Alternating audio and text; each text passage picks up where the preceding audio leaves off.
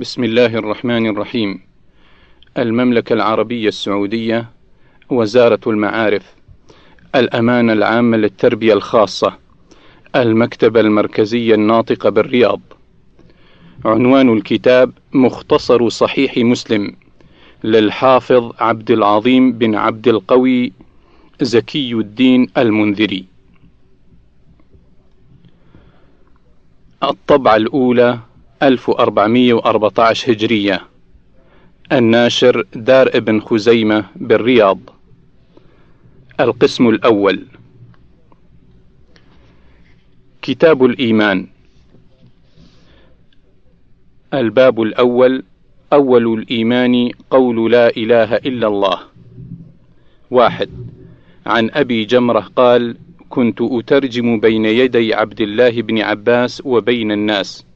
فأتته امرأة تسأله عن نبيذ الجر فقال إن وفد عبد القيس أتوا رسول الله صلى الله عليه وسلم فقال رسول الله صلى الله عليه وسلم من الوفد أو من القوم؟ قالوا ربيعة. قال مرحبا بالقوم أو بالوفد غير خزايا ولا ندامة.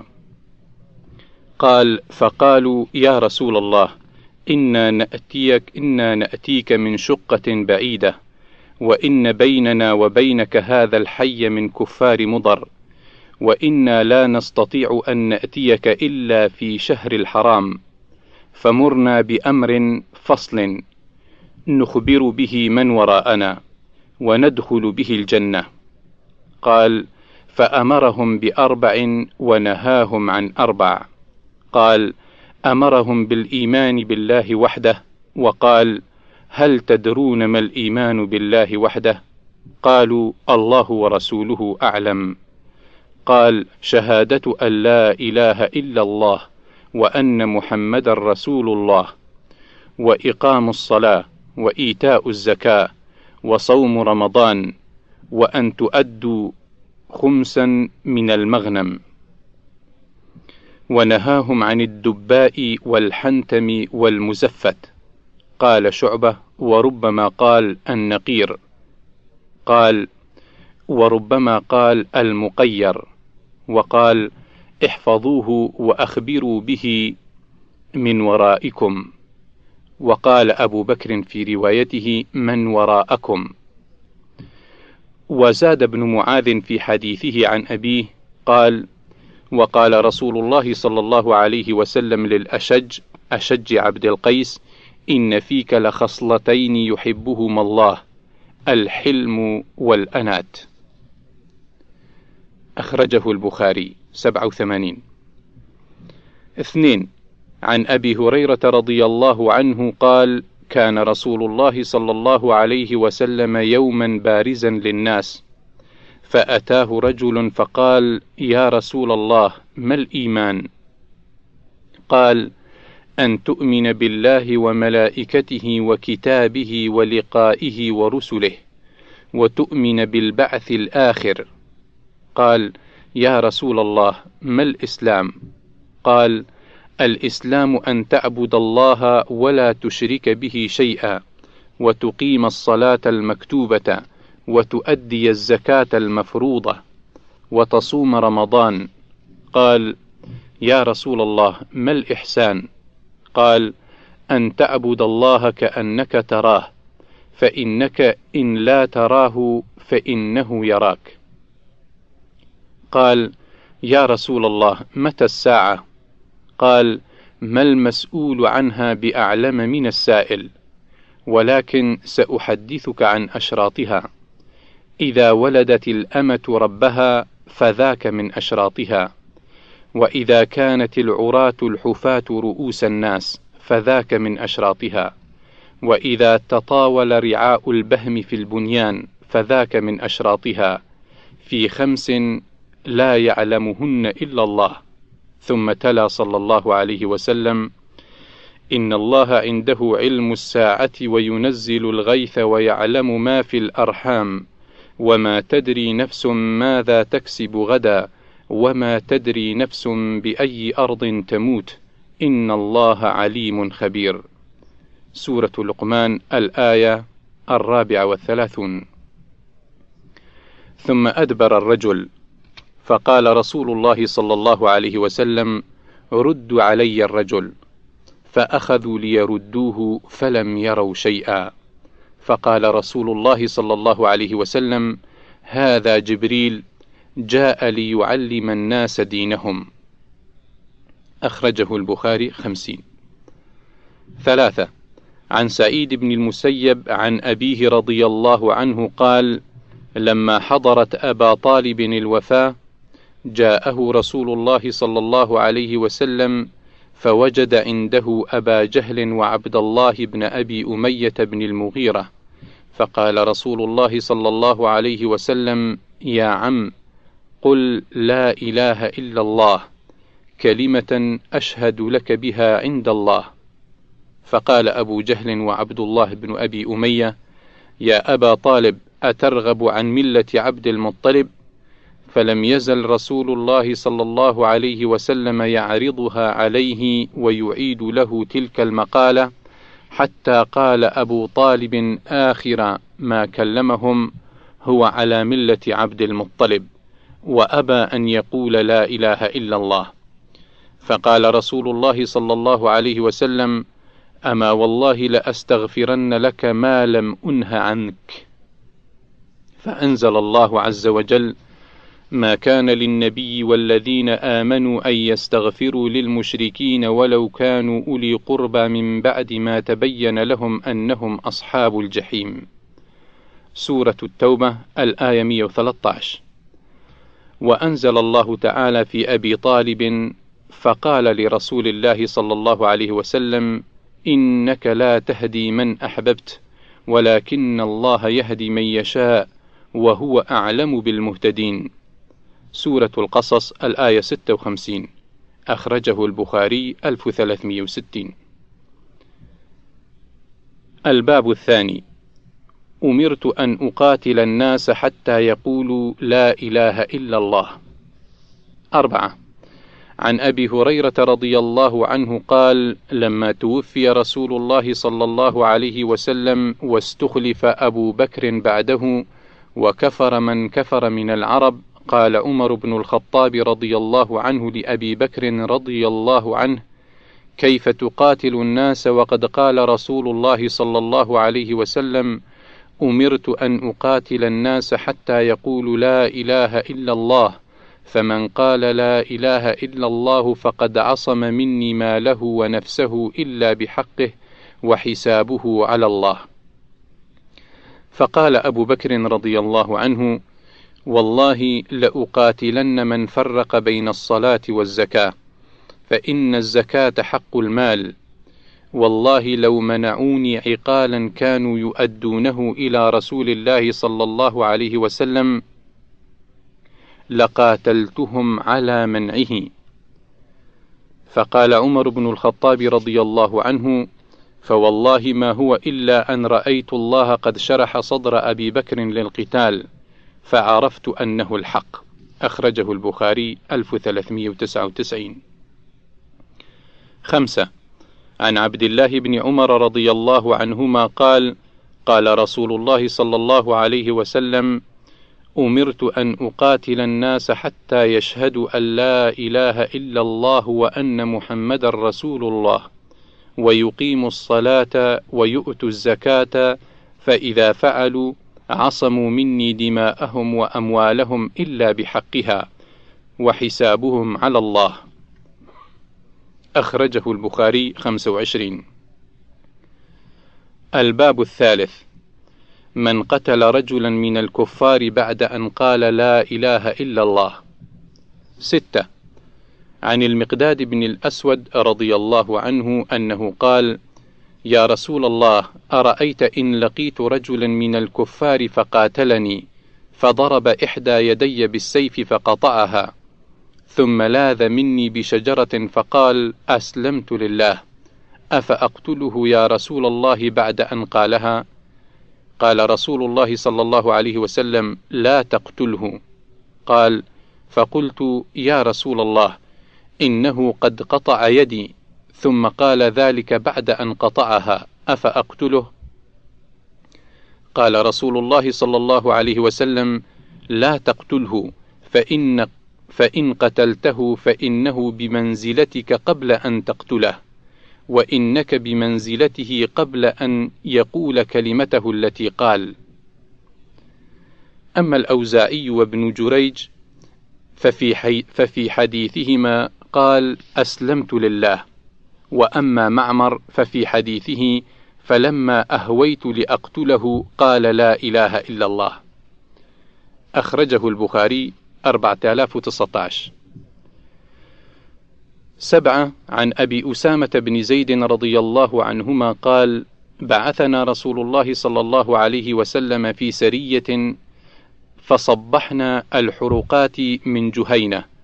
فأدركت رجلا فقال لا إله إلا الله فطعنته فوقع في نفسي من ذلك فذكرته للنبي صلى الله عليه وسلم فقال رسول الله صلى الله عليه وسلم أقال لا إله إلا الله وقتلته؟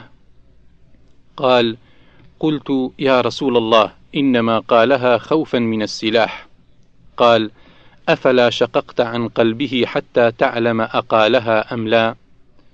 فما زال يكررها علي حتى تمنيت أني أسلمت يومئذ.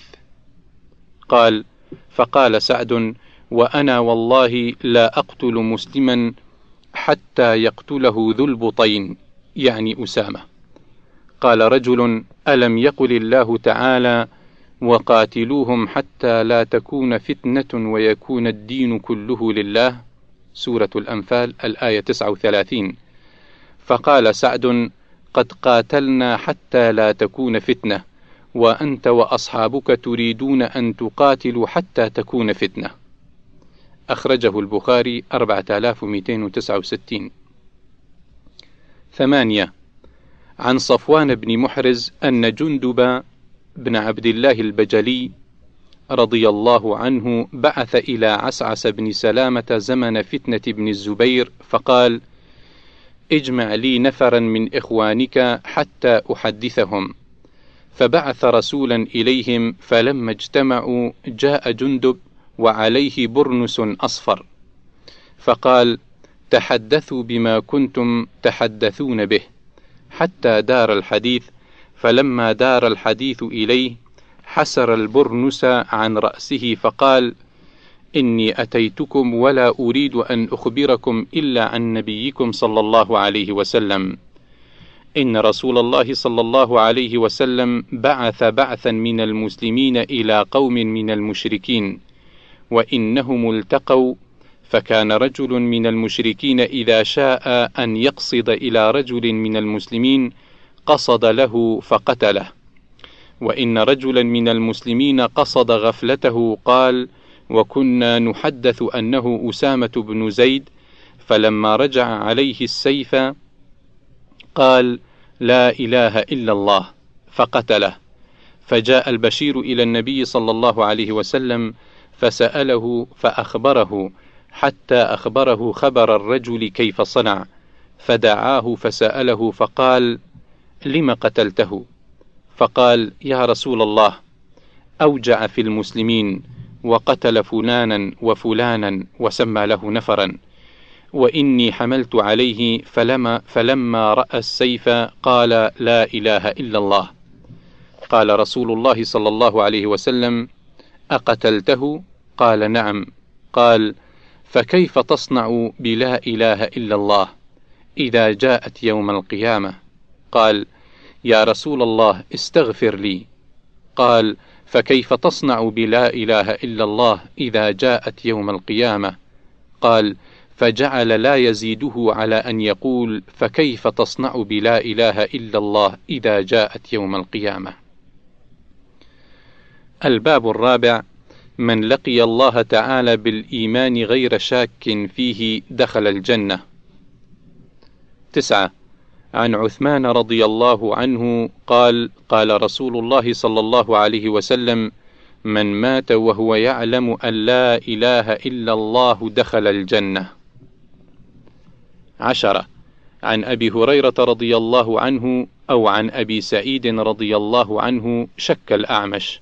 قال لما كان يوم غزوة تبوك أصاب الناس مجاعة فقالوا يا رسول الله لو أذنت لنا فنحرنا نواضحنا فأكلنا وادهنا. فقال رسول الله صلى الله عليه وسلم افعلوا. قال فجاء عمر فقال يا رسول الله إن فعلت قل الظهر ولكن أدعهم بفضل أزوادهم ثم ادعوا الله لهم بالبركة لعل الله أن يجعل في ذلك. فقال رسول الله صلى الله عليه وسلم نعم. فدعا بنطع فبسطه ثم دعا بفضل أزوادهم قال فجعل الرجل يجيء بكف ذرة قال ويجيء الآخر بكف تمر قال ويجيء الآخر بكسرة. حتى اجتمع على النطع من ذلك شيء يسير. فدعا رسول الله صلى الله عليه وسلم بالبركة ثم قال خذوا في أوعيتكم. قال فأخذوا في أوعيتهم حتى ما تركوا في العسكر وعاء إلا ملؤوه قال فأكلوا حتى شبعوا. وفضلت فضلة. فقال رسول الله صلى الله عليه وسلم أشهد أن لا إله إلا الله وأني رسول الله. لا يلقى الله بهما عبد غير شاك فيحجب عن الجنة. 11 عن الصنابحي عن عبادة بن الصامت رضي الله عنه قال دخلت عليه وهو في الموت فبكيت فقال مهلا لم تبكي؟ فوالله لئن استشهدت لأشهدن لك ولئن شفعت لأشفعن لك ولئن استطعت لأنفعنك ثم قال والله ما من حديث سمعته من رسول الله صلى الله عليه وسلم لكم فيه خير إلا حدثتكموه إلا حديثا واحدا وسوف أحدثكموه اليوم وقد أحيط بنفسي. سمعت رسول الله صلى الله عليه وسلم يقول من شهد أن لا إله إلا الله وأن محمد رسول الله حرم الله عليه النار. 12 عن أبي هريرة رضي الله عنه قال كنا قعودا حول رسول الله صلى الله عليه وسلم معنا أبو بكر وعمر رضي الله عنهما في نفر فقام رسول الله صلى الله عليه وسلم من بين أظهرنا فأبطأ علينا وخشينا أن يقتطع دوننا وفزعنا فقمنا فكنت أول من فزع فخرجت أبتغي رسول الله صلى الله عليه وسلم حتى أتيت حائطا للأنصار لبني النجار فدرت به هل أجد له بابا فلم أجد فإذا ربيع يدخل في جوف حائط من بئر خارجة والربيع الجدول.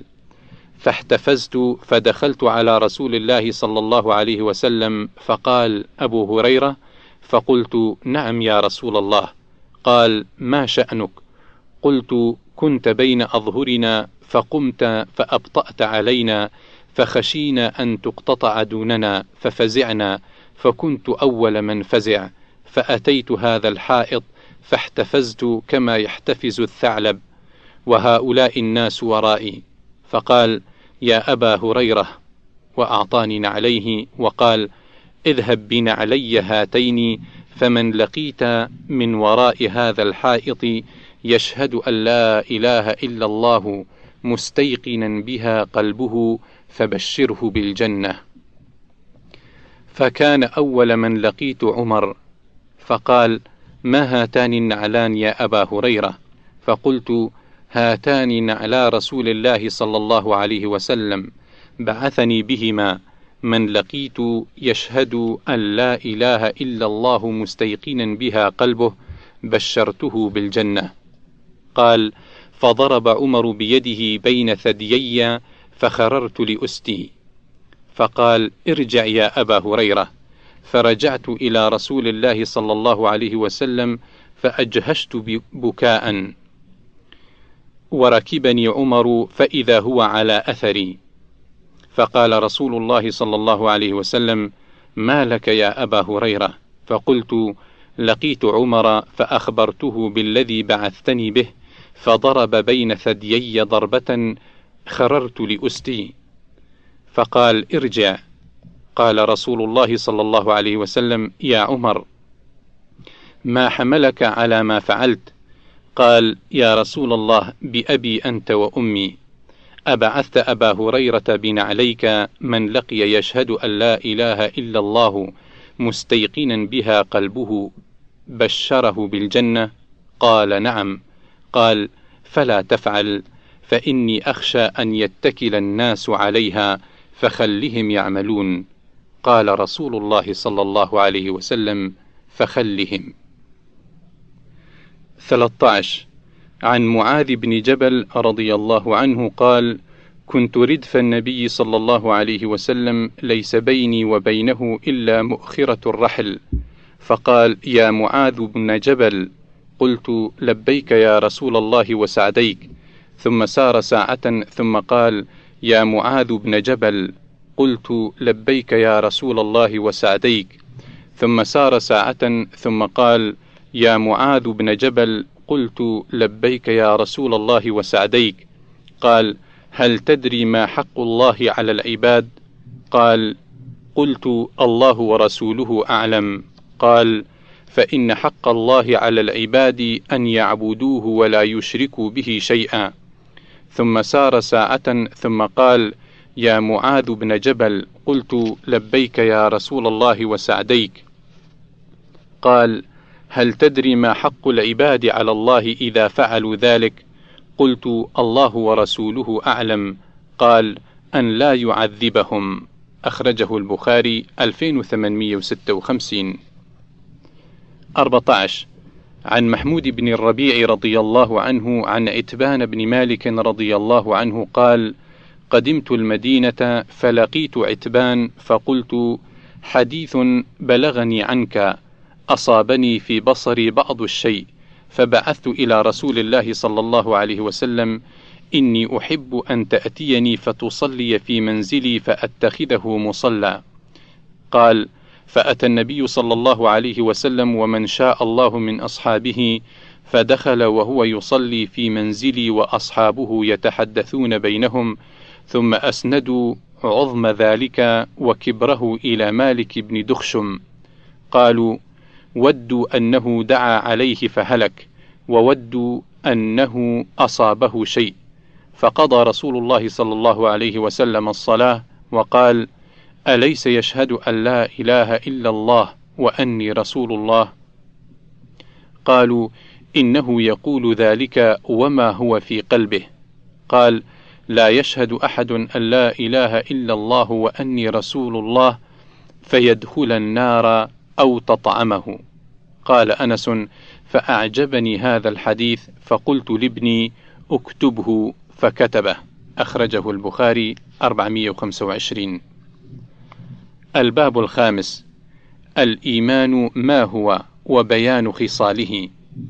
15 عن أبي سعيد الخدري رضي الله عنه أن أناسا من عبد القيس قدموا على رسول الله صلى الله عليه وسلم فقالوا: يا نبي الله إنا حي من ربيعة وبيننا وبينك كفار مضر ولا نقدر عليك إلا في أشهر الحرم فمرنا بأمر نأمر به من وراءنا وندخل به الجنة إذا نحن أخذنا به.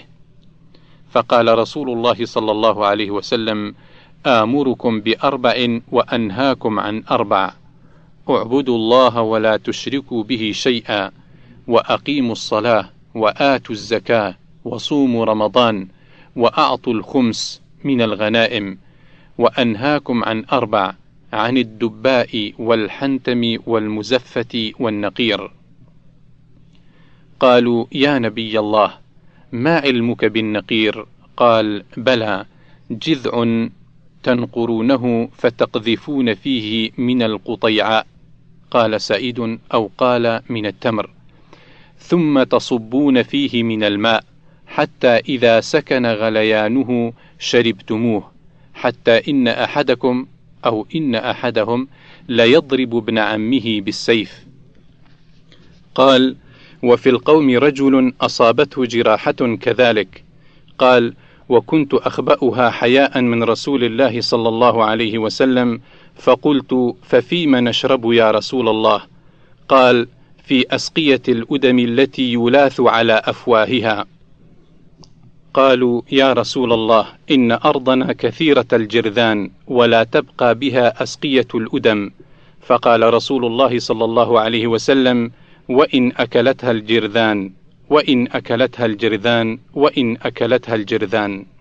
قال وقال نبي الله صلى الله عليه وسلم لأشج عبد القيس إن فيك لخصلتين يحبهما الله الحلم والأنات. 16 عن أبي ذر رضي الله عنه قال قلت يا رسول الله أي الأعمال أفضل؟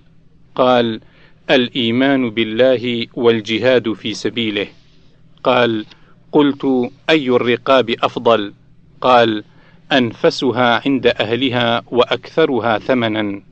قال قلت فإن لم أفعل قال تعين صانعا أو تصنع لأخرق. قال قلت يا رسول الله أرأيت إن ضعفت عن بعض العمل؟ قال تكف شرك عن الناس فإنها صدقة منك على نفسك. أخرجه البخاري 2518 الباب السابع في الأمر بالإيمان والاستعاذة بالله عند وسوسة الشيطان. 17 عن أبي هريرة رضي الله عنه عن النبي صلى الله عليه وسلم قال: لا يزال الناس يسألونكم عن العلم حتى يقولوا هذا الله خلقنا فمن خلق الله؟ قال وهو آخذ بيد رجل فقال صدق الله ورسوله قد سألني اثنان وهذا الثالث أو قال قد سألني واحد وهذا الثاني. عن أبي هريرة رضي الله عنه قال قال رسول الله صلى الله عليه وسلم لا يزالون يسألونك يا أبا هريرة حتى يقولوا هذا الله فمن خلق الله. قال فبين أنا في المسجد إذ جاءني ناس من الأعراب فقالوا يا أبا هريرة هذا الله خلقنا فمن خلق الله؟ قال فأخذ حصا بكفه فرماهم به ثم قال قوموا قوموا صدق خليلي صلى الله عليه وسلم. الباب الثامن في الإيمان بالله والاستقامة. 18 عن سفيان بن عبد الله الثقفي رضي الله عنه قال قلت يا رسول الله قل لي في الإسلام قولا لا أسأل عنه أحدا بعدك وفي حديث أبي أسامة غيرك. قال قل آمنت بالله ثم استقم. الباب التاسع في آيات النبي صلى الله عليه وسلم والإيمان به. 19 عن أبي هريرة رضي الله عنه أن رسول الله صلى الله عليه وسلم قال: ما من الأنبياء من نبي إلا قد أعطي من الآيات ما مثله آمن عليه البشر، وإنما كان الذي أوتيت وحيا أوحى الله إلي، فأرجو أن أكون أكثرهم تابعا يوم القيامة. أخرجه البخاري 4981 عشرين عن أبي هريرة رضي الله عنه عن النبي صلى الله عليه وسلم أنه قال: والذي نفس محمد بيده لا يسمع بي أحد من هذه الأمة يهودي ولا نصراني ثم يموت ولم يؤمن بالذي أرسلت به إلا كان من أصحاب النار.